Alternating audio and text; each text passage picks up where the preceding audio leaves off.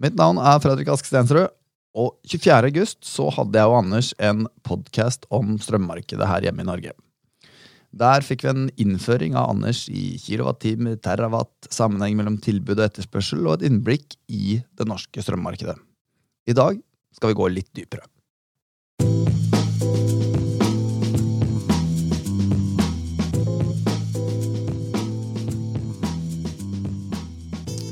Jeg har jo selvfølgelig med meg som vanlig vår sjefstrateg Anders eh, Johansen. Men i dag, så, siden vi skal gå litt dypere her, så har vi faktisk også fått med oss sjefsrådgiver innenfor finansiell risiko i Danske Bank Markets, Arne Christian Håkholt. Velkommen, Arne Christian. Takk, takk. Eh, jeg har forstått det sånn at, eh, at du er sjefsrådgiver i Danske Bank Markets, Arne Christian. Og er det en tittel som du også har hatt, Anders? Ja, det stemmer det. Ok, Så vi er inne på direktørpodden her i dag. Eh, men så vidt jeg har skjønt, eh, Arne Kristian, så er ikke strøm og energi noe du jobber veldig mye med. Så dette er mer som en sånn sær hobby for deg. Eh, eller, eller hvordan har det seg at Anders tok kontakt akkurat med deg for å få gå en, enda dypere enn det vi gjorde sist? Ja, nei, Det er jo både sant og usant. Jeg er jo ikke noe råvareanalytiker, og det er jo, dette råvaremarkedet er jo ikke noe område vi har i banken lenger heller. Men jeg har jobbet i mange år opp mot eh, kraftbransjen på finansiell risikostyring, renter, valuta og kapitalstruktur. Og selvfølgelig så er det alltid en fordel å kjenne markedet og vite, vite hva kunden jobber med. Ok, Jeg går ut fra at hvis Anders har tatt tak i det, så er du rett mann for den sendingen her. Eh, for de av dere som ønsker eh, den, å høre den eh, første podden vi hadde om strøm, så er det som sagt tilbake til 24. august. Den ligger i feeden til Danske Bankers. Men vi må ha litt struktur på dagen, så planen for i dag for denne sendingen den er firedelt. På samme måte som sist så begynner vi å snakke litt fysikk, altså snakke litt ulike former for energi, og hvor mye kraft man teoretisk kan få ut av hydrokarboner og den type ting. Eh, så Sist gang snakket vi ikke noe om eh, CO2-markedet, så det skal vi prate litt om i dag. Eh, det tredje punktet vi skal snakke om, det er det grønne skiftet og hvilke konsekvenser det får for bransjen, investeringer og avkastninger på, avkastning på kapitalen. Og så har vi smart, spart det beste helt til slutt, og det er selvfølgelig strømprisen her hjemme i Norge. Skal prisen holde seg høy, og skal den holde seg høy lenge? Høres det ut som en bra plan, karer? Jeg tar, det som et ja. Og Anders, jeg tenkte at uh, altså, vi har ikke nok mics i studio til å få med alle gjestene her. Så i dag så er det du som blir eh, den som stiller spørsmålene. Det regner jeg med at du takler. Det elsker jeg, det vet du. Så det, det skal gå bra. Uh, først får vi kanskje takke, eller jeg også takke Arne Kristian for at du stiller, Arne Kristian. Uh, det, jeg har jo jeg har ikke tvunget deg, men, uh, men, samtidig, det er ikke hver dag du er på podkast, så veldig gøy at du stiller opp. Og som Fredrik var innom, grunnen til at jeg velger deg, er jo fordi jeg vet at uh, vi har vært kollegaer i fem år, og er, uh, dette er ting du, du, kan veldig godt. Så um, dette, blir, uh, dette, blir, bra. Som Fredrik sa, så skal vi begynne å snakke litt om fysikk. og Derfor tenkte jeg kanskje kunne begynne med å stille deg spørsmål om, om, det, og ting som jeg tror er ganske greit for folk å ha i bakhodet. Så kan ikke du bare forklare sammenhengen mellom stillingsenergi, bevegelsesenergi og varmetap? Ja, eh, jeg er jo ikke noe ingeniør, egentlig. Jeg er jo økonom, men, eh, men det her er jo veldig sentrale begreper i forhold til, til dette med energi. Hvis en slår opp i en fysikkbok, så, så finner en jo ofte en sånn illustrasjon av en, av en pendel. Uh, og når en pendel er si, så høyt opp som den kommer, så, så har den på en måte maksimal stillingsenergi, men ingen bevegelsesenergi. Men den har masse potensiell energi, ikke sant? Så hvis den slippes ned, så vil jo stillingsenergien gradvis forsvinner, mens bevegelsesenergien blir vil bli høyere. Eh, når det gjelder norsk vannkraft, så kan en på en måte dra den analogien, fordi at solen har jo bidratt til å løfte vannet opp i disse reservoarene som ligger høyt til fjells. Eh, og vi har jo demmet opp det her òg, i tillegg til at det er naturlige vann og, og reservoarer. Og dermed så, så, representerer jo vannet som ligger oppe i fjellheimen her, en, en stillingsenergi, en potensiell energi. Hvis en, hvis en, slipper det ned, leder det gjennom turbiner, eh, som så er koblet via en aksel på en generator, så, så kan en eh, produsere strøm. Um, med et type varmekraftverk, altså da snakker vi gass, olje, um, kull og, og kjernekraft, uh, så koker en jo vann. eventuelt varme opp luft i en gassturbin. Uh, og når en, når en gjør det, så utvider jo vannet seg blir til vanndamp, eh, og vann som en koker, utvider seg ca. 1700 ganger. Så det blir, oppstår et enormt trykk. Det trykket kan en da lede gjennom en, en type uh, turbin, uh, som igjen er kobla på en generator og produserer strøm. Uh, problemet er at det, det, blir veldig mye varme til overs når det her kommer ut på andre siden, og, og den varmen får en veldig sjelden og nytte ut av. Så, så effektiviteten er jo lavere, da. Ikke sant. Det er selvfølgelig en grunn til at vi, vi, går såpass nøye gjennom dette her, da. Men det er jo det at eh, det norske markedet, eh, kraftmarkedet, det er jo bygget opp rundt eh, vannkraft. Og der har vi veldig høy virkningsgrad, mye høyere enn det vi har på, på gassturbiner. Hvordan henger det sammen? Nei, altså Det henger jo sammen med dette at den har denne topografien og, og, og høydeforskjellen, for å si det sånn, sånn at vi kan lagre dette vannet høyt oppe. I Finland så har en veldig mye ferskvann, det er jo de tusen sjøers land. Eh, men de har veldig lite fallhøyde, så, så, de får veldig lite ut av dette vannet i forhold til å produsere energi. Eh, mens vi har denne fallhøyden. og det å slippe vannet ned eh, genererer jo masse bevegelse, men, men, veldig lite eller ingen varme eller friksjon.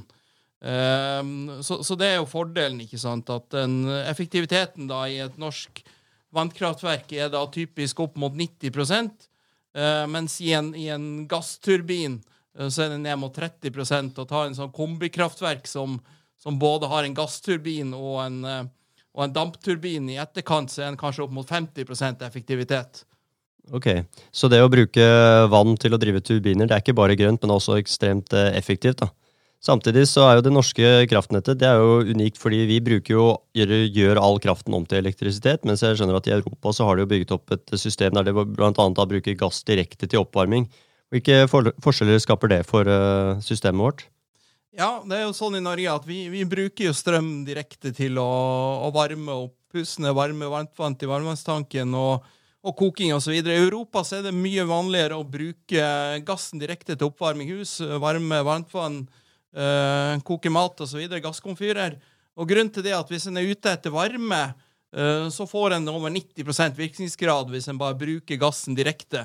Mens hvis en hadde brukt den gassen til å produsere strøm først, for så å produsere varme av strømmen, så er en jo ned på en effekt da på mellom 30 og 50% ikke sant?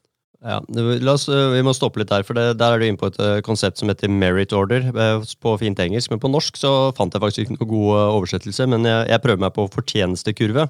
Det er veldig sentralt for, for, det som jo er det vi skal ende ut med i dag, og snakke om de norske prisene. Kan ikke du bare forklare fortjenestekurveprinsippet, og litt hvorfor det er så viktig for strømprisene på Østlandet? Ja, det er jo sånn at disse ulike produsentene som produserer strøm, de har jo en ulik, ulik, kostnad på å produsere den strømmen. Og kan si høyest på kurven nå så ligger jo produksjonen med, med gass, da, altså gasskraftverk. Det, det, er det dyreste i forhold til hva de må betale for gassen, pluss det de må betale for eh, CO2-kvoter. Um, en kan jo tenke seg en analogi med et, eh, et landbruksområde der en har en gitt befolkning. De må ha en gitt uh, mengde mat for å, um, for å ikke sulte. Ehm, men de ulike landområdene har en veldig ulik eh, dyrkbarhet, for å si det sånn. Fruktbarhet. Ehm, men da vil det være sånn at den, det landområdet som er minst fruktbart, det vil ha en høyere kostnad for å produsere.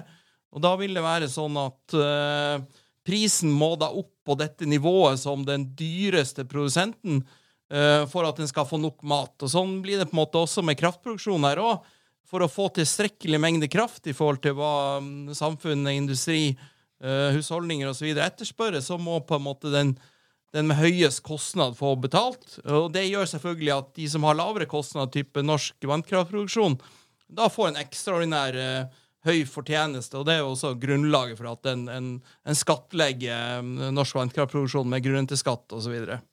Ja, Veldig bra. Jeg avbrøt deg litt. Du var inne på det som var eh, på at det var mer effektivt å bruke gassen direkte til oppvarming enn at vi gikk veien via elektrisitet. Ja, eh, og det er jo fordi at når en, en brenner gassen direkte, så, får en ren varme ut av den. Og den varmen den får ut, den er et sted mellom 90 og 100% kan en si. Eh, mens derimot, hvis en bruker denne, denne strømmen, denne gassen til å produsere strøm først, så, så får en som sagt dette effekttapet der en i varme termer sitter igjen med 30-50% Jeg vet ikke om det er, er det svaret du er ute etter? Jo, jo, jo. Det, ikke sant? Jeg har en plan her, så det er jo bra. Så jo, det er det jeg er ute etter. Så, sant? så bare La meg sjekke at jeg har forstått det riktig. da, ikke sant? Så Vannkraft den er effektiv på den måten å, å generere strøm direkte. Eh, fordi det ikke genererer så mye varme og, som, eh, og annen form for friksjon da, som, som går, eh, kraften går til spille. Eh, men um, unødvendig varme det er jo et problem når man produserer strøm fra naturgass. Uh, men uh, hvis man da produserer varmen direkte fra, fra Eller jo, varme direkte fra naturgassen, sånn at det går til oppvarming, da er det jo bedre, um, bedre måte å gjøre det på, ikke sant? Ja, helt klart. Og i tillegg så er det jo i Europa så er det jo bygd ut en infrastruktur for å utnytte gassen på den måten der. Mens i Norge så har vi jo bygd ut en infrastruktur for å distribuere strøm. Eh, vi har jo ikke noen infrastruktur for å distribuere gass ut til husholdninger eller til industrien i samme grad som en har i Europa. Um, og, det, det bunner jo på, akkurat dette her. Så det, det er jo noe si, kostnader òg knytta til en sånn type infrastruktur. da. Ja, ja, ja, men glemmer, kostnadene de glemmer man alltid når det er gjort. ikke sant? Så det, det er alltid fine. Men, men ikke sant? Så hvis, hvis, vi bare går videre, da, så sier vi ok, så i Norge så, så har vi jo etter hvert da fått uh, høy eksportkapasitet. Sånn at vi jo uh, også da, som vi har merket i høst og eller ja, sommer-høst, uh, at norske priser er blitt veldig høye fordi vi har fått de europeiske prisene. Men så er det det morsomme da, ikke sant, at vi bruker jo da europeiske gasspriser til eh, å, å, prise norsk elektrisitet, egentlig. Mens de da i, i direkte i Europa så bruker de den gassen til oppvarming, ikke til å lage elektrisitet. Så det gir egentlig at vi får høyere priser enn, enn til, på vår oppvarming, da, som går via elektrisitet, enn det de gjør i Europa. Stemmer ikke det?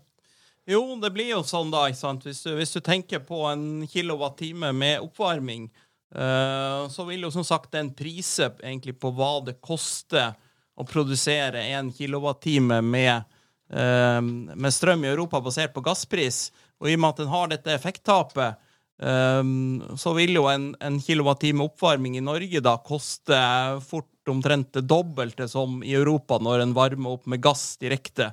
I tillegg så er det jo sånn at de uh, kraftprodusenter i Europa betaler jo CO2-avgift, mens det gjør jo ikke husholdninger hvis en bruker gassen direkte til oppvarming. Og 40% av av gassen i Tyskland for eksempel, går direkte til husholdningene, til oppvarming.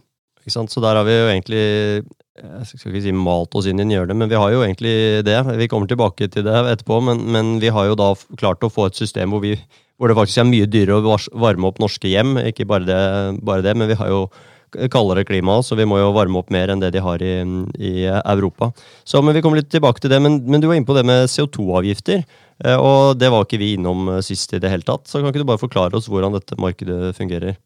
Ja, EU har jo oppretta et, et um, CO2-kvotesystem, EU ETS som det heter, som begynte i 2005, og som da omfatter vel 10 000 utslippspunkter og 40% av unionens klimagassutslipp. Så det er jo egentlig ikke det, det er jo mye utslipp som ikke er omhandlet i det her.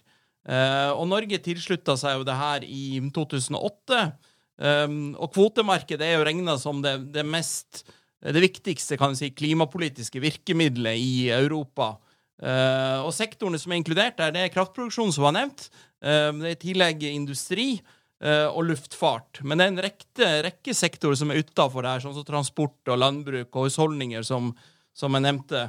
Um, og Um, det her er jo sånn at det er jo satt en viss mengde kvoter. altså Det er satt et totalt utslipp som er tilgjengelig år for år. Uh, og da kan jo um, de ulike si, industrier, bedrifter som sitter på disse kvotene, kan jo da handle dem mellom seg. ikke sant?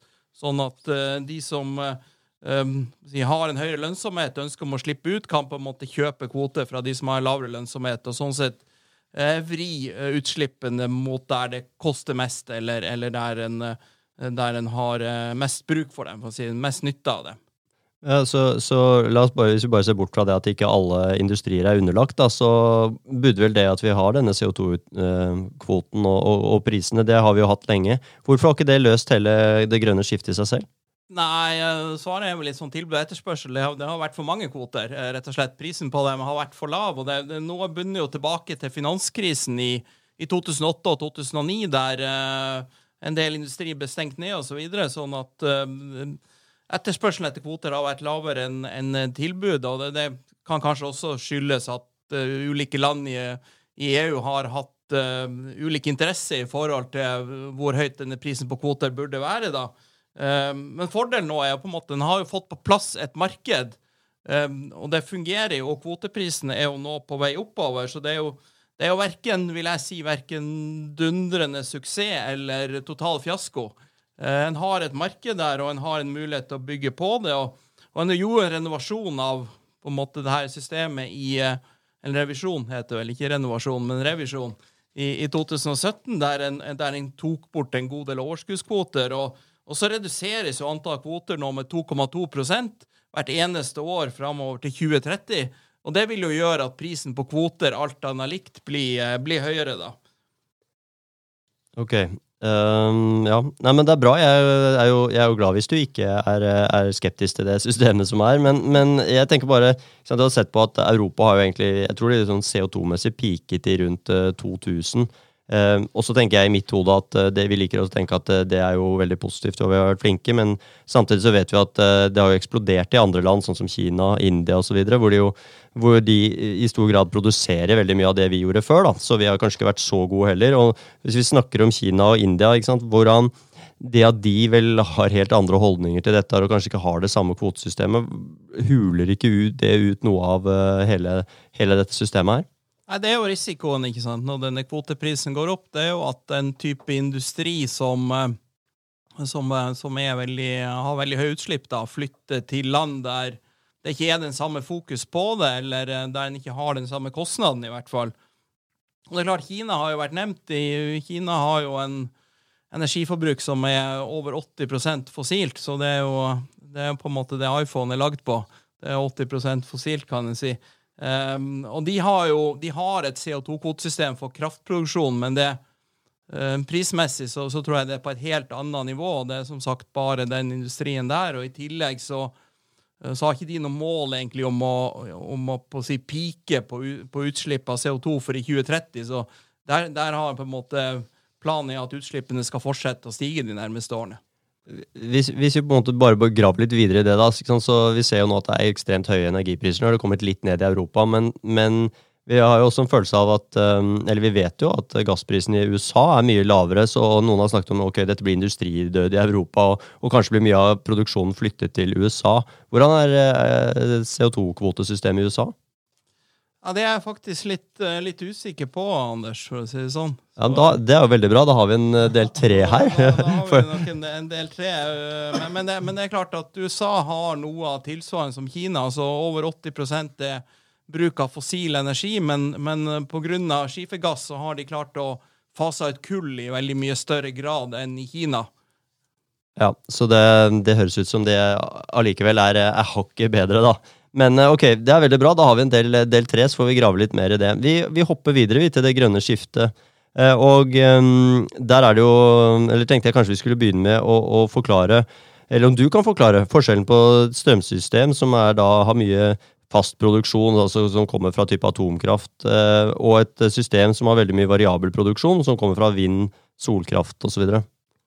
Ja, det er jo sånn at uh, i ethvert energisystem uh, med de samfunnene vi, vi, har bygd opp, da, så trenger du et nivå med det vi kaller for grunnlast. Det er på en måte bare den energiproduksjonen du trenger uh, nærmest til enhver tid, fordi at det er ting som står på hele tiden. Det er industri som, som, som går døgnet rundt. så forutsigbarhet og en sånn type grunnlast er veldig sentralt. Og kjernekraft, eller egentlig all type varmekraft, da, er veldig god på å levere den type grunnlast. Mens vind og sol er jo veldig mye mer uforutsigbart. Det, det produserer bare når solen er oppe og det blåser, ikke sant. Sånn at uh, vind, sol er ikke i stand til å levere den type grunnlast, uh, kan en tenke seg. I tillegg så er det jo behov for en, en regulerbar produksjon i tillegg. Uh, til de periodene da en har høyere forbruk av strøm. Og det vil jo type være på morgenen. En ser jo, Når en står opp om morgenen, så ser en at folk dusjer, slår på kaffetrakteren, strømforbruket går opp. Uh, så går det noe ned, men det ligger for så vidt stabilt gjennom, altså høyere i løpet av dagen når folk er på jobb. Og så har en en ny peak på ettermiddagen når uh, folk kommer hjem og, og koker middag osv. og så er det lavere på natta. Og så I tillegg så har en gjerne et sesongmønster også med uh, vinter- og, og kuldeperioder osv. Uh, og da har en som sagt behov for den regulerbare kraften. Der er jo norsk vannkraft det er jo unikt, uh, men også type gasskraftverk osv. er veldig fort gjort å skru opp og ned. Uh, problemet til vind og sol er at, er at vind og sol er nesten, verken den type grunnlast eller denne type regulerbar kraftproduksjon som en kan kjøre opp og ned når en egentlig har behov for det. Um, så det er vel egentlig litt sånn å Problemet da er at når en kjører vind og sol, så må en egentlig ha en type effektreserve. En må ha noe som en kan skru på når det ikke blåser eller solen skinner. Man må ha et batteri i prinsippet? Et batteri, ikke sant. Og, og batteri i de størrelsene vi snakker om her, er jo eh, si, økonomisk og teknisk eh, vanskelig å få til. Altså Det nærmeste en har, ikke sant, det er jo den norske, rett og slett den norske magasinkraften. Den er jo et stort batteri. Jeg har hørt noen si at man skulle pumpe vann opp igjen i norske magasiner. Er det, er det noe som virkelig er blitt vurdert? Eller? Ja, altså vi har, vi har pumpekraftverk i Norge. Uh, Blåsjø for eksempel, er et, et, kraftanlegg som har pumpekraftverk, men vi har det ikke i veldig stort omfang. Så har de det noen steder i Europa også. Uh, men, men, det er klart, en, en, trenger det et helt annet omfang, da. Så det vil jo være en, en, en veldig stor utbygging. Og så må en jo ha de reservoarene, da, videre. Ja, så når vi, når vi, leser om dette her på, på internett, da, da, må man alltid være litt usikker på, på, kildene, selvfølgelig, men så ser man jo at det, liksom, det, er, litt flere leire her. da. Noen er veldig pro vindkraft, og andre er veldig, veldig eh, negative. Men, men um, det er helt åpenbart ikke uproblematisk. da, Men vi må grave litt mer i vindkraft, for jo, vi, vi prøver jo å få til en del av det i Norge, offshore eh, til og med. Kan ikke du forklare litt økonomien bak det å bygge vindkraft både på land i Norge og offshore? Ja, altså Bygge vindkraft på land i Norge er jo si, Vindkraft på land er jo blitt en veldig moden teknologi. Det er bygd ut i Norge, det er bygd ut i stort monn i Europa. Uh, og kostnadene er kommet uh, betydelig ned. Uh, en regner ved rundt 30 øre kilowattimen for, for, for, vindkraft på land. da. Så, så der er en kommet veldig langt. Flytende havvind derimot er jo noe som er kommet veldig kort både teknisk og økonomisk. En har jo en idé om at det antagelig skal koste noe over en krone kilowattimen å produsere, uh, men en har jo ikke uh, bygd ut store anlegg, og, en har ikke si, teknisk og økonomisk erfaring over en lang periode. Dette er jo anlegg med veldig lang levetid når en bygger det. så det, det, vil jo ta veldig mange år før en rett og slett har høsta alle erfaringene som er, er å høste, og rett og slett kjenne livsløpskostnadene fullt ut. Men er det når du snakker om disse prisene, er det da bygget inn den ekstrakapasiteten ekstra kapasiteten man må ha ved at ikke det, at ikke det blåser hele tiden og den type ting? Eller det, kommer Nei, det på toppen? Det, det, er jo det som er litt problemet, da. fordi at uh, disse kostnadene her, de er jo på en måte pris per kilowattime gitt kapitalkostnadene og driftskostnadene ved, ved, ved, disse anleggene. Men uh, som vi har vært inne på, så er jo disse anleggene er jo uregulerbare. og og en må ha en backup når det ikke blåser. Uh, og den kosten for den backupen er jo ikke inne i disse, disse, prisene her. Og det er klart, en sånn type backup som bare produserer nå og da, så er det jo en stor kapitalkostnad som potensielt skal dekkes opp på relativt få driftsperioder, da. Ok, Så det, så det er ikke en del av regnestykket, det, og det er heller ikke en del av, eh, av planen, da, eller hvordan Har du noe peiling på det? Nei, altså planen for så vidt i Tyskland hadde en jo en plan om at disse gasskraftverkene og russisk gass for så vidt skulle, skulle dekke opp for uh, de periodene når det ikke var vind eller sol. Uh, men det var jo selvfølgelig bygd på at uh, den gassprisen ble liggende på det nivået som, som, som, russerne var villige til å selge gass på. Ikke sant. Ok, Da kom vi innom det, det, det temaet der. Vi, vi, vi, må prøve å styre unna det, tror jeg, for da, da kommer det så mye annet. Men ok, det, vi hører at det er litt problemer der. Um, både ved at vi må ha ekstra kapasitet da, for, å få til, uh, å få til den, uh, det skiftet. Um, I menneskenes utvikling så har det alltid vært sånn at vi har gått fra mindre effektive energikilder til, til sant, type seilbåter til dampskip til uh, skip som går på olje. Vil ikke dette skifte i mitt hode da, uansett være sånn at det fører til ekstra kostnader høyere energi, og, og totalt sett til slutt høyere energikostnader? Hva tenker du om det? Jo, jeg tror, jeg tror, eh, kostnadene med energi uh, ifølge det grønne skiftet er litt underkommunisert, rett og slett fordi at uh, Um, det eneste vi har vært inne på, er dette med, med denne backup-kostnaden. Altså Brenselkostnaden for sol og vind og vann er jo gratis, eller i hvert fall veldig rimelig, for å si det sånn. Um, og kapitalkostnaden kommer selvfølgelig på toppen. Um, men så har en denne backup-kostnaden som en må ha. Uh, I tillegg så er det jo sånn at det er bygd ut et kraftsystem med distribusjon osv. i Europa, og for så vidt i Norge, som går titalls år tilbake i tid på et helt annet kostnadsnivå og som fortsatt har en, har en stor verdi. Um, så her må man på en måte bygge et helt nytt system fra scratch i en situasjon der vi nå har vært gjennom eh, betydelig inflasjon osv. Og, så og i hvert fall hvis en legger til alle disse titalls årene. altså Norsk eh, regulerbar vannkraft har en produksjonskostnad som en ofte hører på 5-10 øre kilowattimen. Uh, men det er jo fordi at vi bygde det her for, for mange titalls år siden. Skulle en bygd denne store norske vannkraften i dag, med disse store eh, demningene med eh, vannføringstunneler osv. Det er enormt store eh, anleggsprosjekter. Så ville nok den kosten vært en helt annen, kanskje 40-50 øre i stedet. Ikke sant? Det er, mye, det er, mye, skjulte kostnader her, det er ingen tvil om det. Vi har vært inne på noen av svakhetene. Det som jo har vært bra, da, vi vet jo at NVE da, um, de, de, er jo innom disse tingene her, men de, de kom med noen rapporter i nyene som jeg føler går litt under, under radaren. og De kom med en, ra, en rapport i, i, mai hvor de skrev noe om utviklingen i nordiske kraftmarkedet frem mot 2030. som slupp, sluppet i mai, og Der skrev de Erfaringen vi kan trekke fra de siste vintrene, er at vi i takt med den pågående elektrifiseringen og økende kraftforbruk i Norge kan vente oss stadig høyere effekttopper nasjonalt i årene som kommer. Så der er de jo i hvert fall inne på, på noe av det. Og så hadde de også noen, eh, noen sånne hovedkonklusjoner. hvor de, En av dem var at i 2030 kan det oppstå timer med nasjonalt effektunderskudd, selv med en moderat forbruksvekst.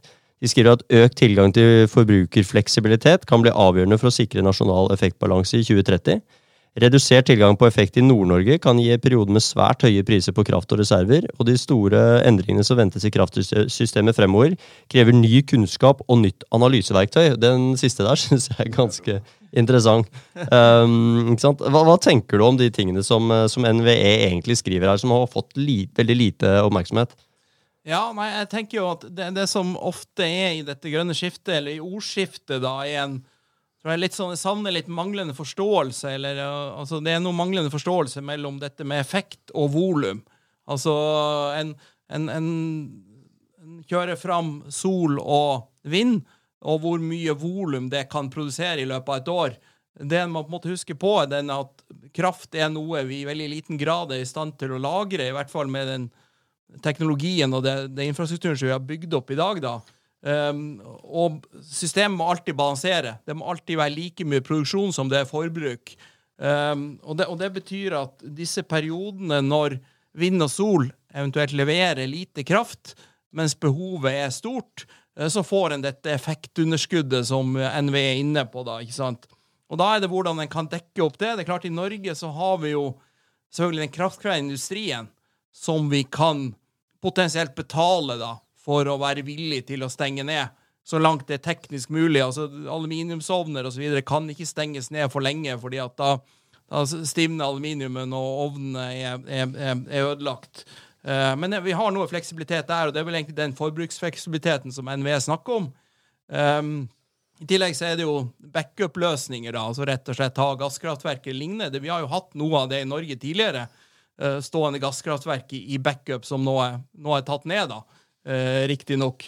Um, men, men det, det, er den type fleksibilitet jeg tenker. Og så er det dette med analyseverktøy. altså um, Norsk, nordisk kraftsystem har jo egentlig vært bygd ut hele veien basert på analyse fra NVE og Statnett. Uh, med den type produksjon som en har hatt i, i Norge slash Norden. Da, da har det vært innslag av veldig mye regulerbar vannkraft, Norge-Sverige, og kjernekraft i Sverige og no, en del varmekraft i Danmark osv. Og, og så har en planlagt framover i forhold til forbruk og, og, og produksjon. da.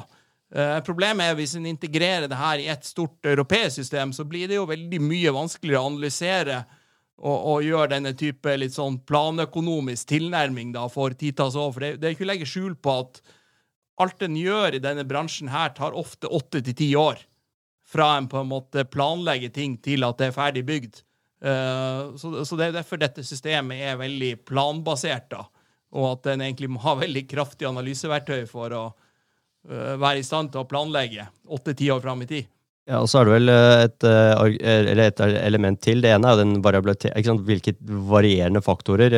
Før så har vi jo hatt vannkraft hvor det er våtår og tørrår og, og den type ting. Men hvis vi i tillegg skal ta inn hvor mye det blåser rundt omkring, og hvor mange soldager vi får, så blir det liksom da blir jo usikkerheten veldig stor. Altså, jeg, har jo jeg har lest noen som mener at eh, egentlig det å tilføre noe særlig vindkraft det, gjør egentlig, det hjelper egentlig ikke noe på totalkapasiteten, fordi, fordi den der balansekraften som må ligge der, eh, den, du, måte, du spiser av det vi allerede har. Så hva, hva tenker du om det? Ja, det, det, er litt der du er. ikke sant? Du, du, du kjører inn en effekt fra vindkraften. og men den effekten kan du på en måte ikke bruke, eller det volumet kan du på en måte ikke bruke fullt ut. Du må holde igjen effekt i den eksisterende produksjonen for å dekke opp uh, de periodene når det ikke blåser. Uh, så det er ikke sånn at vi får utnytta antageligvis hele det volumet som kommer inn. For, vi, for vår del så må vi potensielt holde igjen vann i magasinet de periodene det blåser mye, sånn at det vannet er tilgjengelig når det ikke blåser, for å levere effekten. Mm. Ja, nei, det, det, blir spennende å se. Det kommer helt sikkert noen nye NVE-rapporter som, som, også blir liggende litt langt nede i skuffen, som vi må følge med på. Du, du, er god på å følge med på det du, Arne Kristian, så du får lov å si fra når når det kommer noe spennende. La oss, la oss, gå til det siste temaet her, som er norske priser. Nå skal vi prøve å liksom knytte alt det vi har snakket sammen snakket om så langt, da, sammen til, til, eh, den konklusjonen som vi alle lurer på. Det, jo, det, ene er jo hva koster det for oss med, med norsk eh, eller å, varme opp norske hus, men, men, også selvfølgelig norsk industri og kraftkrevende industri. Og vi hører jo om eh, både elektrifisering av sokkel og utbygging av nye batterifabrikker og sånn, så det blir, dette er jo dette blir liksom spennende. Hva blir egentlig disse strømprisene fremover? Um, og um, vi, bare for å ta en rask repetisjon da, fra, fra, forrige gang, så er det jo sånn at i Norge så produserer vi om lag 155 terawatt-time i et normalår. Og så forbruker vi 140, eller i hvert fall eh, er det de siste tallene. Det tar jo alltid litt tid før de der er oppdatert. Men det vil jo vil si at vi egentlig har en kapasitet til å eksportere om lag 15 TWh i året. Og så bygget vi da i 2021 to utenlandskabler, en til England og en til Tyskland. Eller de sto ferdig i hvert fall da, i 2021 med en total eksportkapasitet da, på 24 TWh, så er det selvfølgelig en sånn det er jo teoretisk. Eh, de går sikkert ikke 100 til enhver tid, og, og, noe kan også sendes tilbake hvis vi har behov for det, men det er i hvert fall en kraftig, veldig stort tall da, i forhold til vår eh, totale over, eh, overskudd da, på, på, disse 15. Um, så nå har vi faktisk total eksportkapasitet, da, i tillegg til det vi hadde fra før av, på rundt 35 TWh. Så det er litt der vi, der vi ligger an. da. Eh, og så er jeg sikker på du også, Arne Kristian, har sikkert fulgt med på noen av de TV-debattene. Um, og der snakker man jo at, eh, at um, de høye prisene våre nå er jo en, del, en funksjon av krigen. Men, men jeg syns jo ikke det helt stemmer. Hva tenker du? Nei, det er helt klart uh, flere faktorer som har bidratt til disse energiprisene. Det, det er, en kan se på ting som nedleggelse av kjernekraft i Tyskland, i, i Sverige, som jo selvfølgelig er veldig nært på oss i forhold til det nordiske kraftmarkedet. Eh, en har fått redusert gassproduksjon i, i, Storbritannia, Danmark, Nederland osv., som, som historisk sett har levert eh, mye gass inn i det europeiske markedet. Eh, og EU har også vært veldig lite villig til å inngå lange gasskontrakter med, med, både Norge og Russland og andre tilbydere de siste årene. Og det har selvfølgelig gjort at kanskje disse selskapene også har gått inn i en litt sånn høstingsfase der en har uh, tatt ut de reservene, produsert på det en har funnet, men der en i mindre grad har vært villig til å lete og gjøre nye utbygginger pga. at det, forutsigbarheten har vært for, for dårlig uh, ut i tida. Så det er klart, det er klart flere faktorer enn en krigen og gassprisen. Ja, ikke sant. Og, og, det er litt fascinerende, da, fordi for, uh, for ti år siden så da satt jeg som forvalter, og da snakket vi mye om uh, ekstremt lave gasspriser. Og da vi jobbet sammen for uh, fem, fem, fem til ti år siden, så var jo energiprisene veldig veldig lave. Og da er jo mye av da, disse analysene som har ligget til, til grunn for disse utenlandskablene, som jo i ettertid har sett har vært gærne. De, de, da var jo problemet egentlig det at norske energipriser var altfor lave, og det var ikke lønnsomt å drive norsk kraftproduksjon i det hele tatt. Uh, og så Hvis vi snakker om, om endringer da, Vi har jo sett vanvittige endringer i gasspriser. Da vi, som sagt, da jeg jobbet tidligere, så var det mye snakk om stra stranded assets. assets, altså gassproduksjon, da, som lå et eller annet sted, så man ikke fikk noe um, kunne brukes til noe fornuftig, for det var ikke transport av, av gassen bort. Og så har jo det endret seg noe vanvittig nå da med, med de problemene rundt, rundt Russland. Hva tenker du om, om endringene vi har sett i, i, på, på, spesielt gassiden de siste tiden? Nei, altså Gass er jo blitt nå en mye mer knapp ressurs enn en olje. og Det er jo litt som du er inne på, Anders, at, at, gass krever en helt annen type infrastruktur for å bli distribuert. altså Det er enten gassrørledninger, eller så er det en type LNG-anlegg der en kjøler ned denne gassen til flytende form. Uh, transporterer den typisk på skip, og, og, og, nye anlegg på andre siden der en gjør denne flytende gassen om til, til gassform igjen. da. Um, og, og, den type infrastrukturinvesteringer jo, tar jo lang tid å bygge opp. og nå, nå, er det sånn at russisk gass da i liten grad finner veien ut i, i, i verdensmarkedet, fordi at den skulle typisk komme via disse gassrørledningene til Europa. Mens russisk olje finner jo veien ut i verdensmarkedet. Eh, den kan på en måte skippes til Asia, og så, og så kommer i stedet um, uh, olje fra Midtøsten til Europa, som uansett ellers ville gått til Asia. Da. Sånn at um, oljetilbudet er nok i mye mindre grad rammet av, av, den situasjonen vi står i, enn en gasstilbudet. da. Um, og når en kombinerer dette med det som har skjedd i Europa, med, med nedbygging av, av kull- og kjernekraftverk og innfasing av, av, sol og vind, så, så, så får selvfølgelig det her, her betydning. Uh, og Derfor har en jo sett at gassprisen sånn omregnet til um, olje, altså dollar per fat, har vært opp mot 500, og, mens et dollar fat har kostet 100, 100 dollar fatet.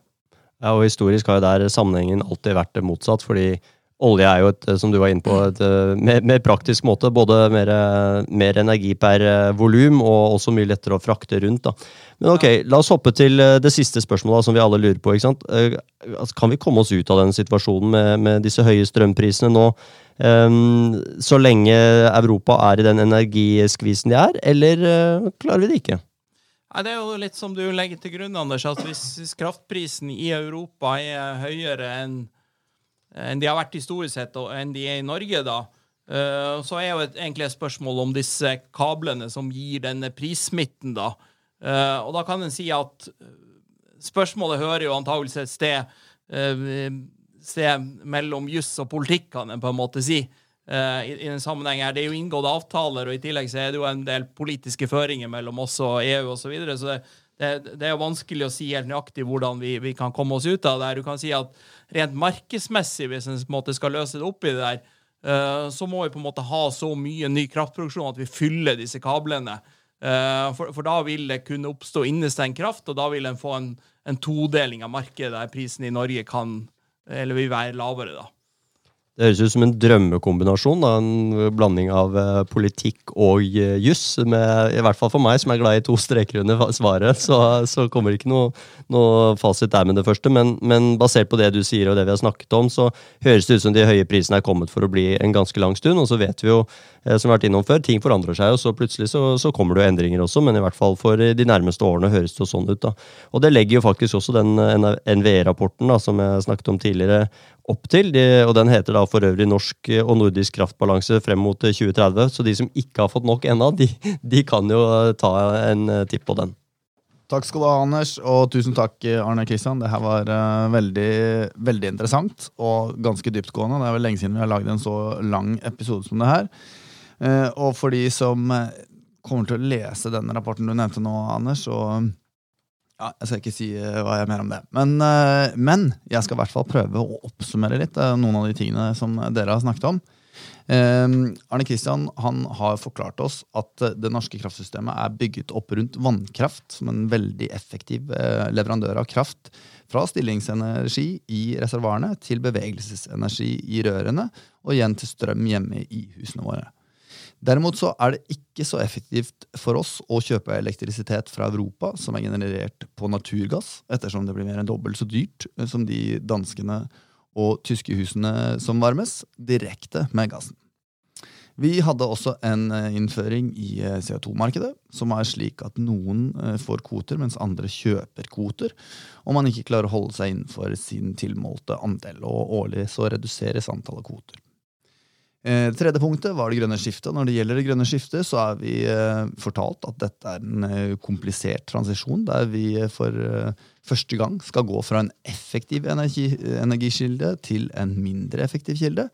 Og svingningene i energiproduksjonen fra sol og vind gjør også at vi trenger betydelig ekstra kapasitet når vi faser disse inn i systemet vårt. Og så til slutt så fikk vi, ikke overraskende når det kom fra Anders, høre at vi må forholde oss til disse høye prisene en god stund lenger. Eh, og jeg må selvfølgelig plugge. Husk på at der du hører på, um, på denne i dag, der kan du også abonnere på, på podkasten. Da får du automatisk beskjed når det kommer nye episoder ut.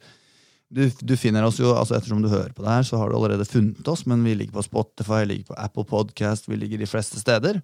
Og det er veldig lett å bare da trykke abonner, så får du beskjed når det kommer noe nytt. Og, og ta en liten plugg til, for hvis du ikke følger Anders på Twitter, så må du gjøre det og at makrojohansen. Og hvis du da i tilfelle også er ekspert på CO2-kvoter i USA, så anbefaler jeg deg å skrive en melding til Anders der, så skal vi invitere deg inn i studio, for det er jo det som har laget grunnlaget for den tredje sendingen vi må ha om strømmarkedet. Det var alt vi hadde i ukens episode av Danske Bankers. Vi høres.